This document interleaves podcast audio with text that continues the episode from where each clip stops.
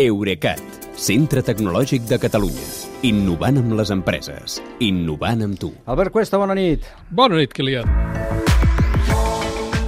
Avui vols parlar de cotxes, de cotxes elèctrics. Uh -huh. Però abans no podem deixar-ho passar, això, eh? Uh -huh. Pajares de Yuso. Eh?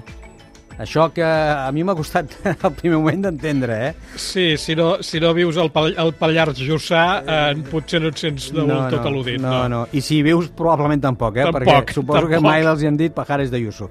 Després del Ministeri de Defensa o del Ministeri de Defensa reescrivint la història, ara arriba, eh, això va ser del municipi d'Alcarràs, com sabreu, ara hi ha, hi ha la Viquipèdia, per dir-ho tot, eh? Ara arriba el Ministeri d'Agricultura i castellanitza els noms d'una quinzena de comarques catalanes, en aquest cas també hi veus tu aquí una derivada tecnològica i també hi té a veure la Viquipèdia?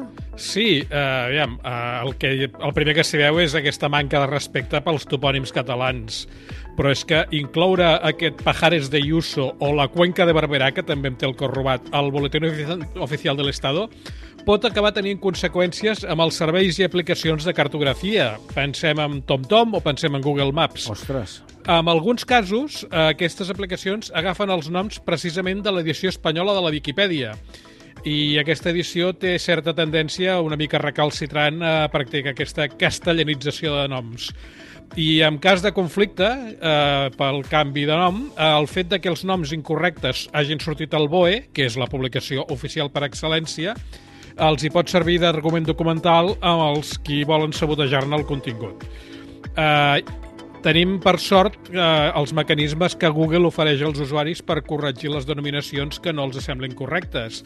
Però està clar que el que seria ideal és que la versió de Maps en català, amb, el que estigui, amb la Viquipèdia que, estigués basa, que fos que estigués basada, és la Viquipèdia en català, clar. És veritat que han dit que ho arreglarien això, eh? però si algun dia eh, vols anar al Pallars i et surt Pajares de Yuso, no t'espantis perquè ja sabrem d'on vindrà això.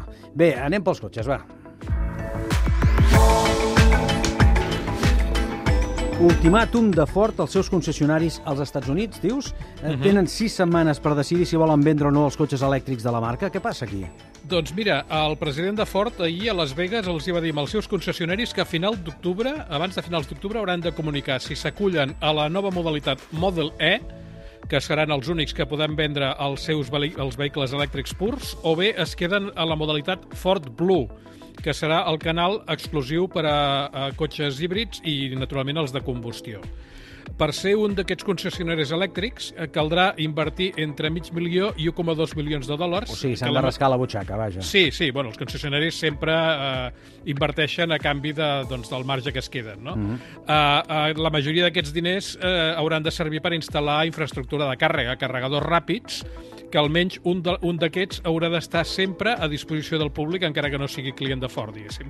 Però és que, a més, aquests concessionaris es comprometen a publicar el preu de cada cotxe del seu estoc a la web de Ford, on els compradors podran comparar-lo amb el d'altres botigues abans de comprar-lo directament per internet, sense possibilitat de negociar descomptes o rebaixes i les altres pràctiques aquelles habituals amb la venda de Sí, noi. cotxes, allò, et regalo l'estoreta, diguéssim. Sí, sí, sí. Bé que ho tenim present, això. Escolta'm, veient la tendència a l'electrificació, seria molt suposat que tots s'hi apuntaran? Uh, aviam, seria lògic perquè, en- entre altres coses, perquè Ford té previst, s'ha compromès a deixar de vendre cotxes de combustió el 2030 a Europa i el 2040 als Estats Units. Ja. Però no està tan clar que els concessionaris hi estiguin interessats. Mira, només fa dos anys els, el 30% dels concessionaris americans d'una altra marca, en aquest cas Cadillac, van renunciar a la concessió per no haver de preparar-se per l'electrificació de la marca. En el cas actual, aquest que comentem, amb el de Ford, aquesta adhesió a la nova modalitat de concessionari elèctric entrarà en vigor al gener del 2024, però els que no es decideixin ara, abans de l'octubre, i després vulguin canviar d'opinió, no ho podran fer fins 3 anys més tard, el 2027.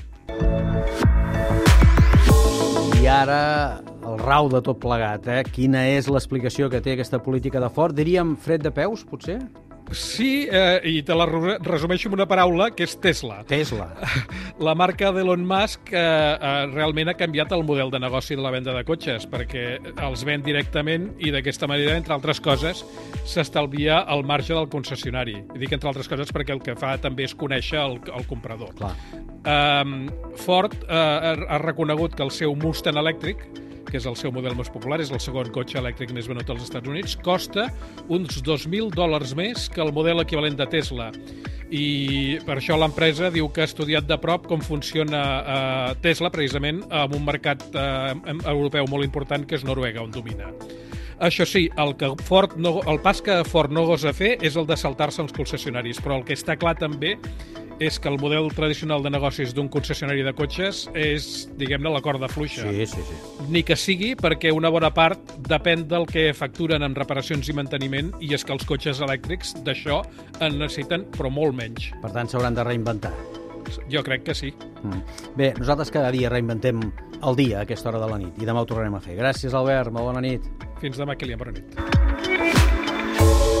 Eurecat, centre tecnològic de Catalunya. Innovant amb les empreses. Innovant amb tu.